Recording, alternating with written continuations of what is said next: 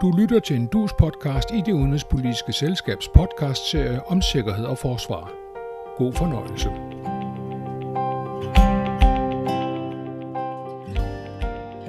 Gør Ukrainekrigen det nødvendigt, at Danmark opgiver sit forsvarsforbehold i EU, eller gør udviklingen i EU, at vi tværtimod skal holde fast i forbeholdet?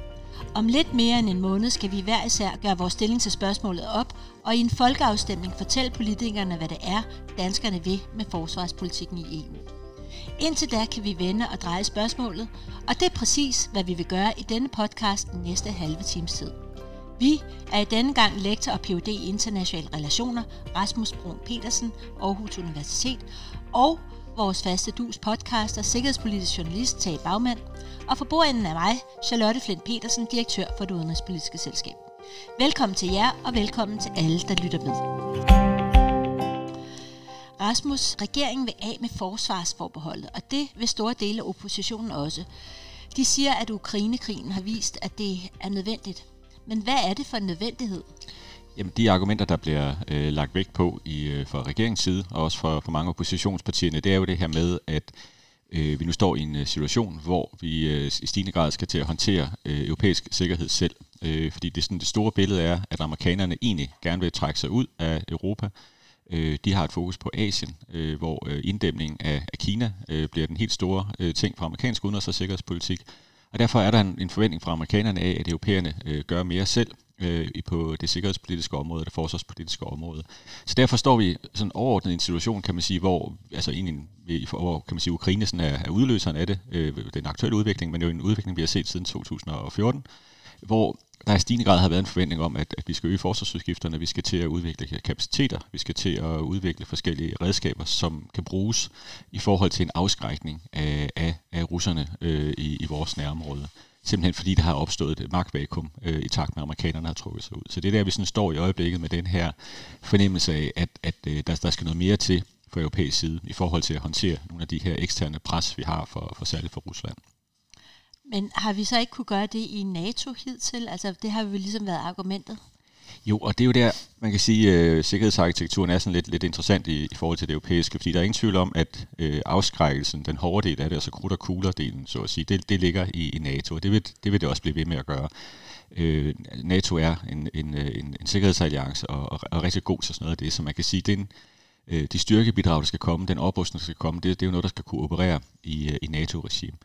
Men en af grundene til, kan man sige også, at EU øh, har haft en rolle i spil i det her, det er jo også, at sikkerhedsbegrebet blev meget bredere end bare krudt og kugler, fordi der er andet end den her hårde afskrækkelse. Der er mange andre typer opgaver, øh, som EU kommer til at varetage øh, de kommende år, samtidig med, at der er mange sådan følgepolitikker øh, med det her med at have oprustning. Altså der bliver snakket meget om militær mobilitet, det der med, hvis man skal flytte en tanks fra Portugal og så op til, til, til Estland, øh, jamen øh, kan man det, øh, fordi det fordrer en eller anden form for øh, transportpolitik, og det er for eksempel noget, som NATO ikke gør det ret meget i, men det er noget, EU-landene gør det i. Så derfor er der jo mange sådan, dynamikker, der foregår i europæiske områder, som på en eller anden måde skal klargøre øh, de europæiske lande, også til på en eller anden måde at have en, en, øh, en ramme og nogle muligheder, for der kan håndtere det her øh, øh russiske pres.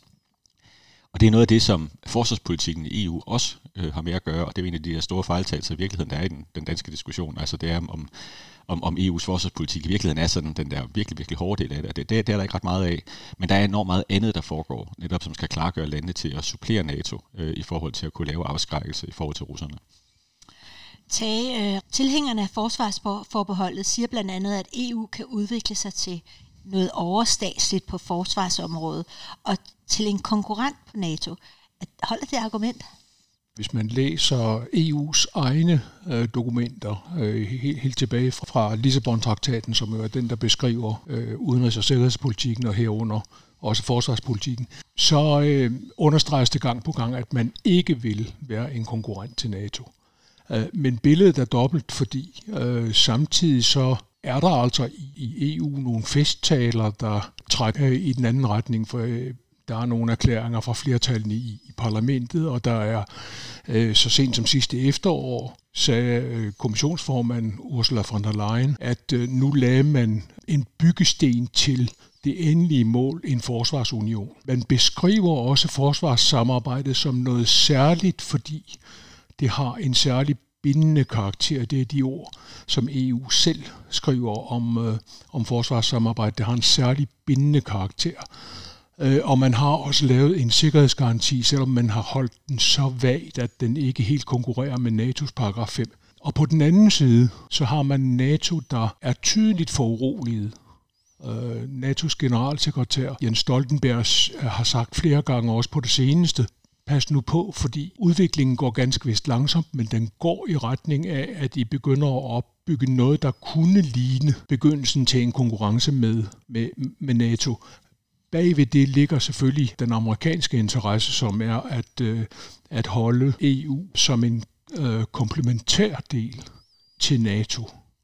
Altså lige præcis øh, det er noget af det, Rasmus taler om, de, øh, den bløde sikkerhedspolitik, den alternative sikkerhedspolitik, kan man måske kalde den. Men, men der er også en reel foruroligelse. Noget af det, man har kunnet se på forsvarssamarbejdet i EU, er jo, at der var store deklarationer, der var store erklæringer, og så skete der ikke rigtig ret meget. Øh, I hvert fald ikke på den militære del. Øh, man lavede nogle kampgrupper, og det viste sig, at de kampgrupper, dem var der i virkeligheden ikke nogen, der var rigtig interesseret i. Men så kom Brexit, og det betød, at den største hemsko for en videreudvikling af forsvarsdimensionen i EU pludselig trådte ud af EU. Og der kan man måske se en ny dynamik i gang. Det jeg citerede von der Leyen øh, for før, om at øh, nu gik det i retning af en en forsvarsunion. Øh, det handler om, at man besluttede at øh, oprette en egen øh, indsatsstyrke. EU øh, har travlt med at opfinde nye ord for, at det ikke skal lyde så militært som over i NATO.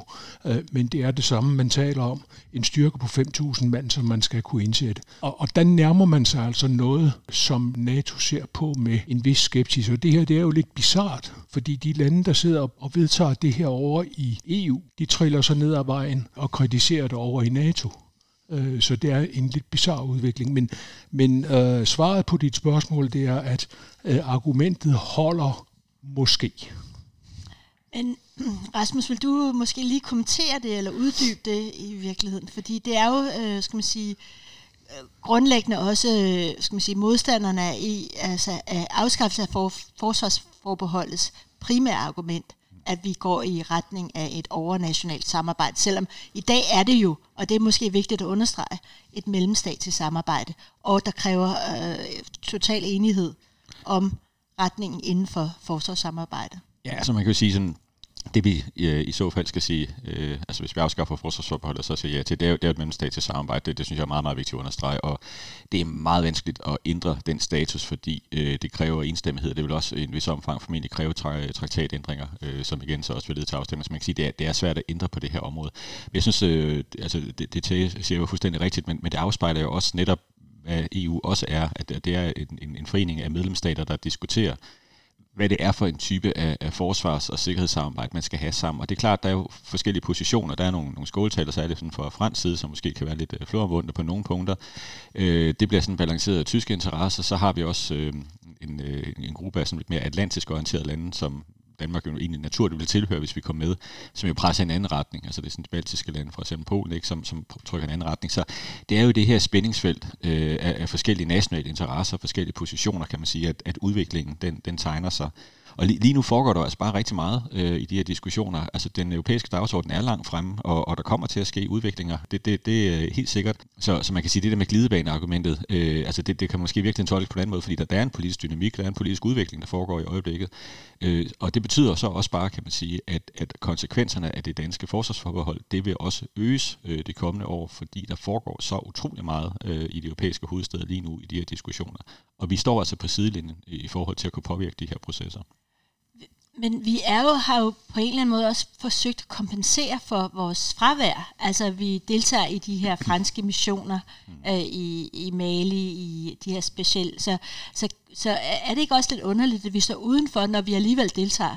Eller vi deltager i forskningssamarbejdet i forsvarsstilen. Altså det her med, det er sådan lidt, øh, vi får ikke gavnen af deltagelsen, men samtidig gør vi det alligevel.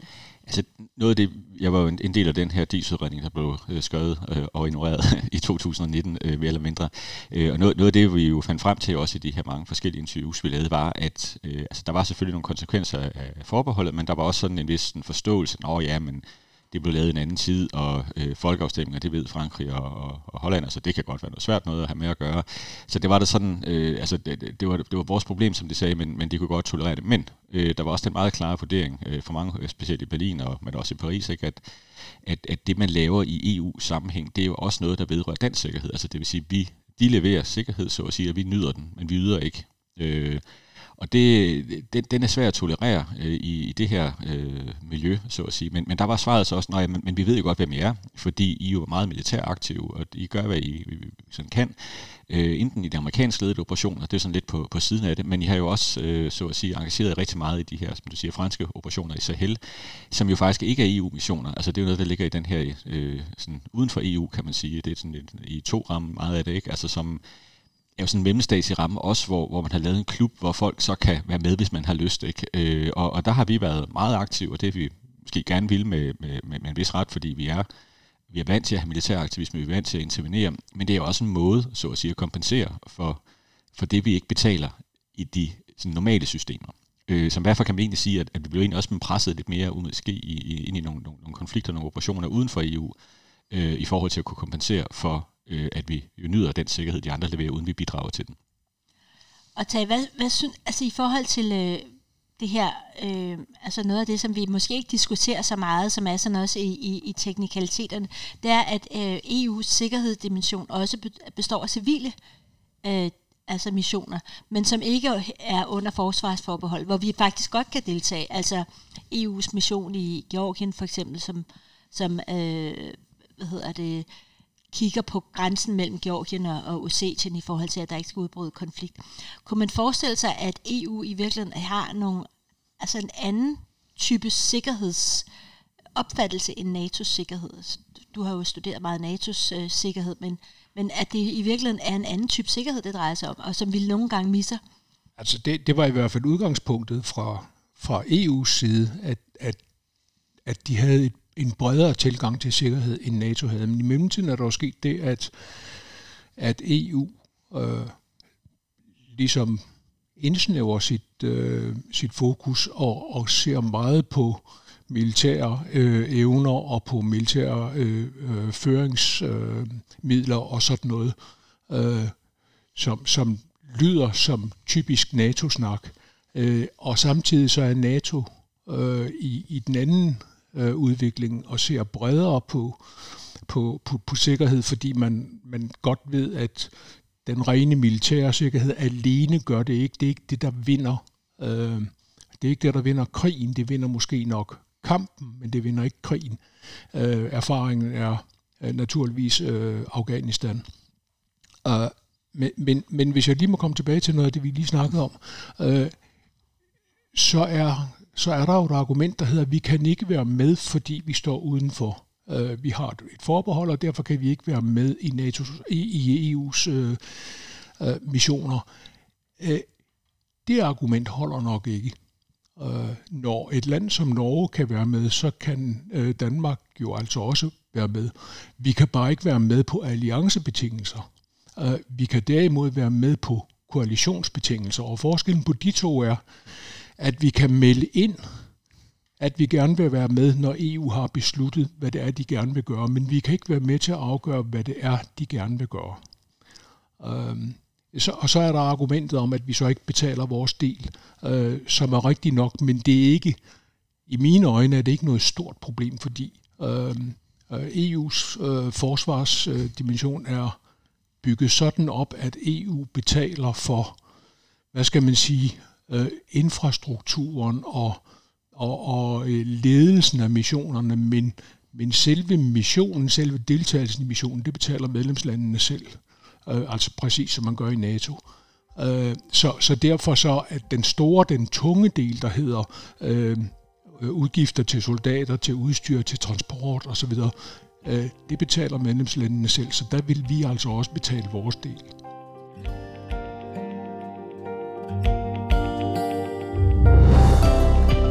Gang med en podcast i det udenrigspolitiske selskabs serie om sikkerhed og forsvar. I dag om det danske forsvarsforbehold i EU i lyset af Ukraine-krigen.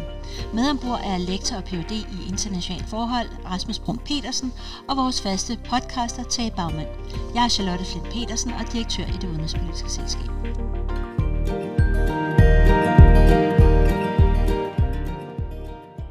Noget af det, som jo fylder faktisk rigtig meget i EU's øh, skal man sige, hele forsvarssamarbejde, det er jo den militærindustrielle udvikling af konkrete øh, kapaciteter inden for forsvar, eller forskningskapaciteter.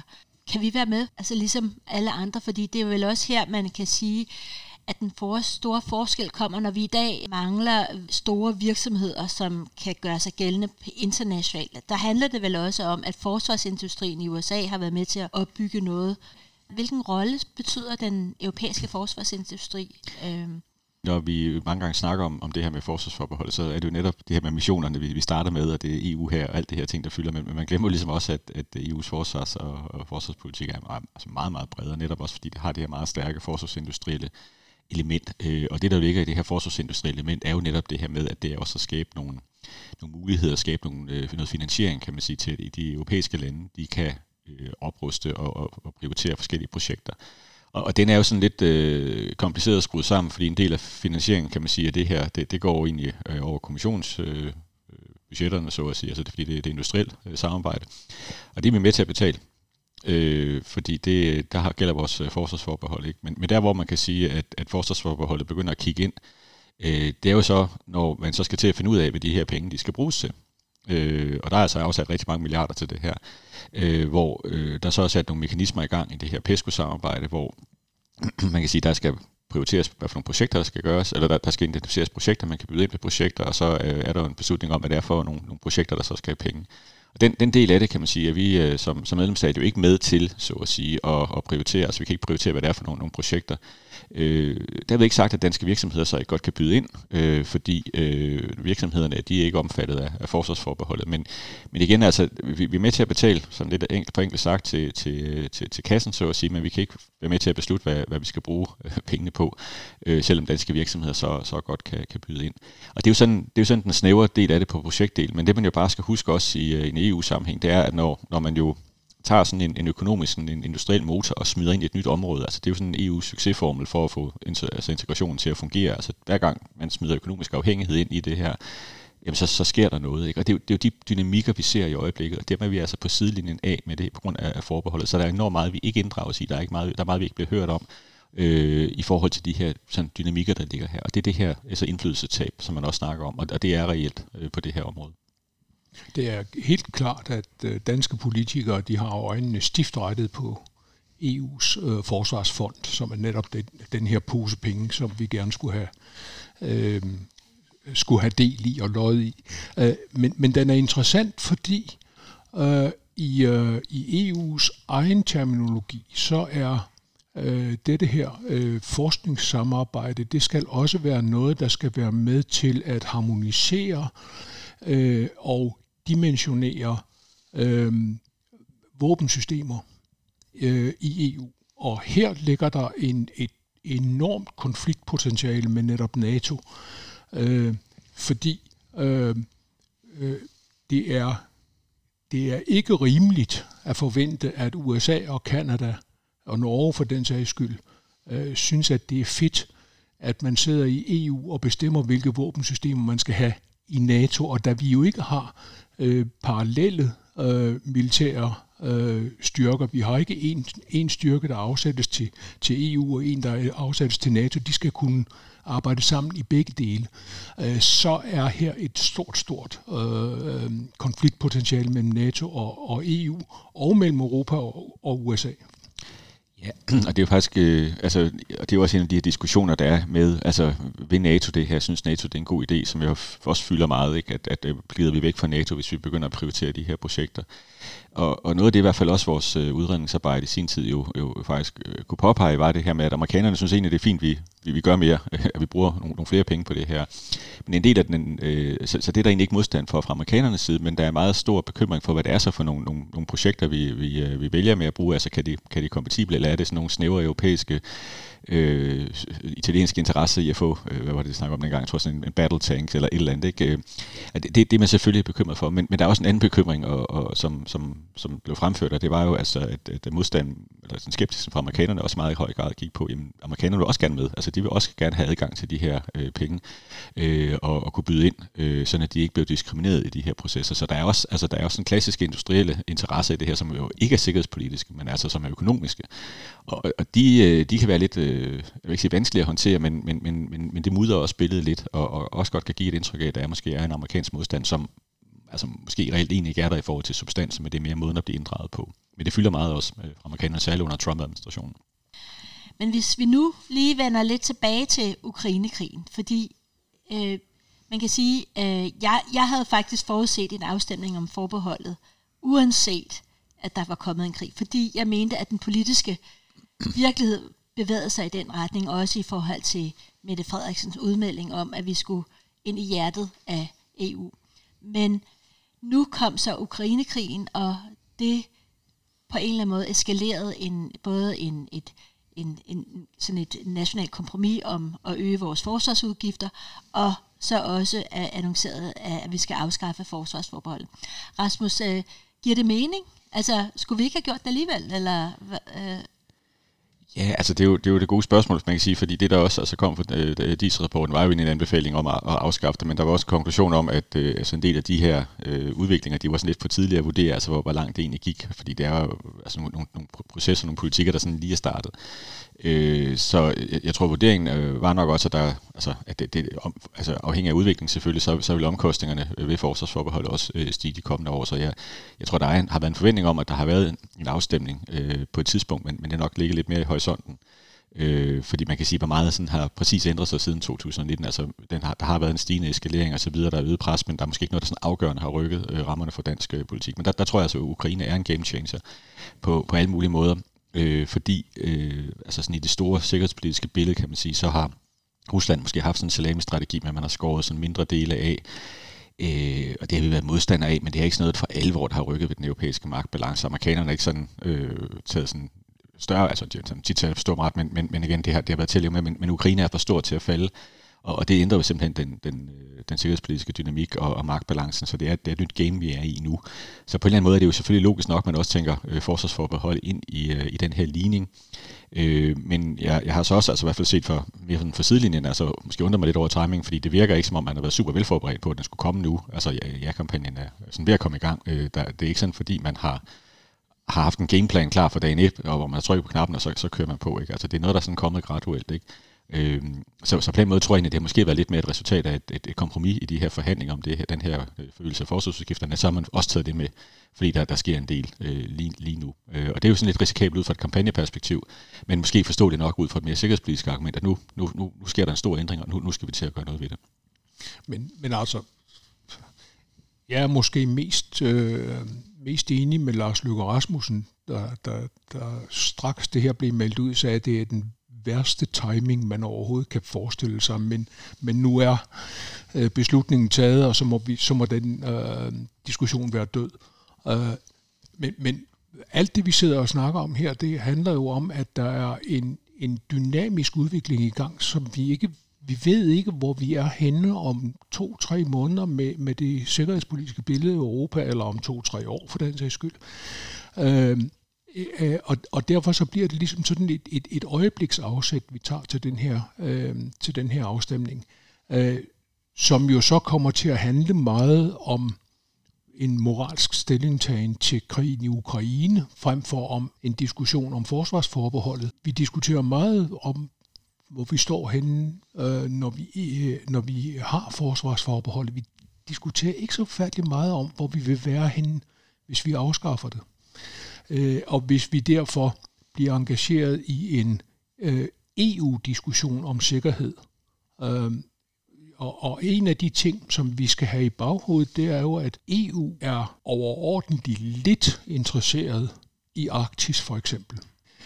Hvis vi engagerer os alt for meget i, i EU, så står vi med det problem, at vi godt ved, at vi kan ikke flytte EU. øh, på, på, på Arktis, fordi man er interesseret i Baltikum, man er interesseret i Østeuropa, man, man er interesseret i Balkan, og man er interesseret i, øh, i Middelhavsområdet, øh, Nordafrika. Øh, øh, og, og vi kommer til at sprede os øh, øh, rigtig meget på den måde.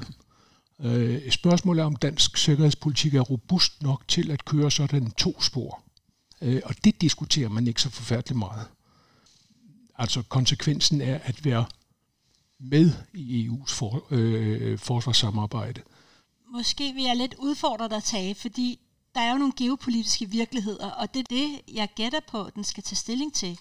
Det er, hvad er det for et scenarie, vi ser om tre år med muligvis en tilbagevenden til Trump, altså hvor EU skal tage vare på egen sikkerhed.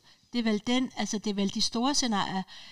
EU har også en arktisk ambassadør. EU har også et øh, har ikke fået lov til at være med i Arktisk Råd, øh, uvist af visse årsager, men har en interesse i Arktis. Så der er vel det er vel ikke et, altså øh, det er vel noget med, at vores den geopolitiske omstændighed gør, at, at EU også er et arktisk, øh, nærarktisk land på en eller anden måde, eller en, øh, dimension, at, at der er en transatlantisk dimension, der er en sydlig dimension, der er en østlig dimension, lige så vel som Danmark er det her mærkelige land med alle de her fem dimensioner, en nordisk, arktisk, transatlantisk, kontinental og en østeuropæisk, som vi altid skal tage stilling til, uanset hvordan. Så, så jeg tænker, at det må være, og nu sker det over til dig, Rasmus, at et eller andet sted er det vel også, handler det også om, hvad er det for en geopolitisk fremtid, vi kigger ind i?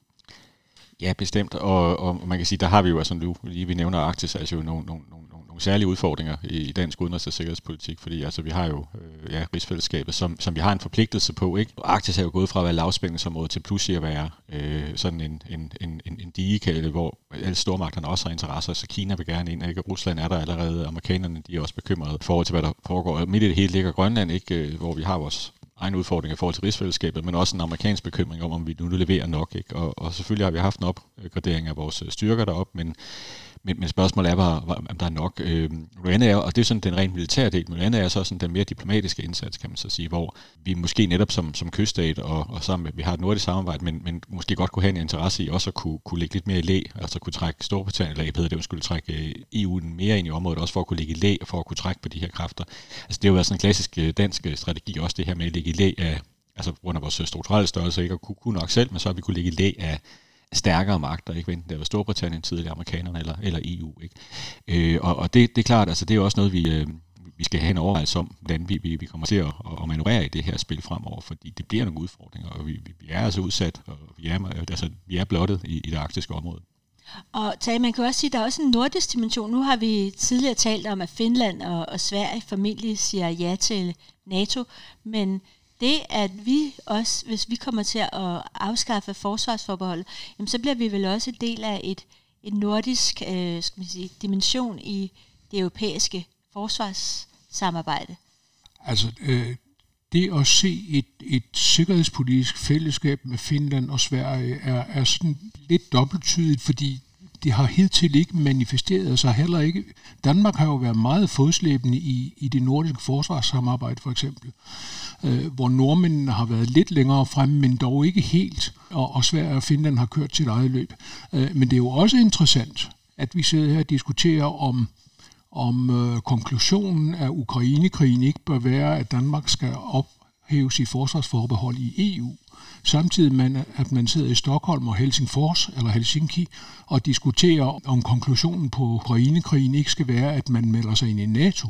Fordi det korte og det lange er jo, at på bundlinjen så er det NATO, der øh, står for den hårde sikkerhedspolitik. EU kan ikke give nogen, nogen øh, sikkerhedsgarantier, der, øh, der matcher øh, NATO, så det ved man godt øh, i Finland, det ved man godt i Sverige jeg, jeg, jeg, jeg har lidt svært ved at se, at, øh, at den ændrede geopolitiske situation nødvendiggør, at vi ophæver vores forsvarsforbehold.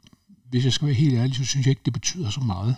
Det handler noget om, hvorvidt vi kan få fat i nogle penge, hvorvidt vi kan få være med i nogle diskussioner om, hvilke missioner EU skal ud i. Men realpolitisk, magtpolitisk betyder det ikke så forfærdeligt meget. Der er vores stilling i, i NATO betydeligt stærkere.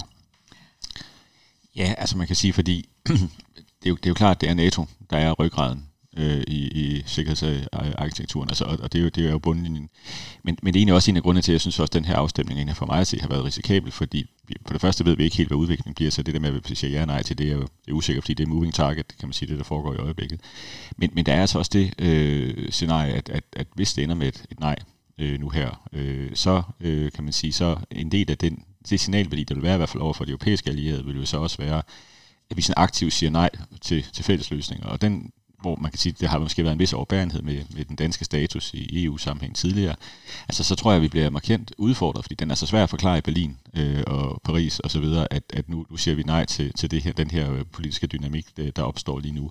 Øh, så, så derfor tror jeg, at vi, altså, øh, vi, vi sætter den også på spidsen. Altså, jeg, jeg er også enig i, at timing kommer en lille smule bag på mig, øh, simpelthen også fordi det er en meget risikabelt øh, konsekvenserne af det. Fordi de realpolitiske elementer, dem kunne vi godt overleve, altså vi godt overleve, altså stå for, så det, det vil ikke være en katastrofe øh, på nogen måder. Øh, I hvert fald ikke nu.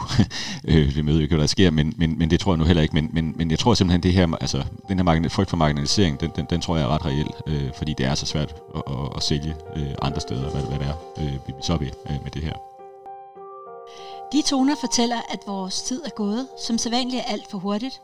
For bordenden var Charlotte Flint Petersen, direktør i det udenrigspolitiske selskab. Tak til lektor Rasmus Brun Petersen, Aarhus Universitet, og til vores faste podcaster, sikkerhedspolitisk journalist Tage Bagmand. Og som altid også tak til alle jer, der lytter med.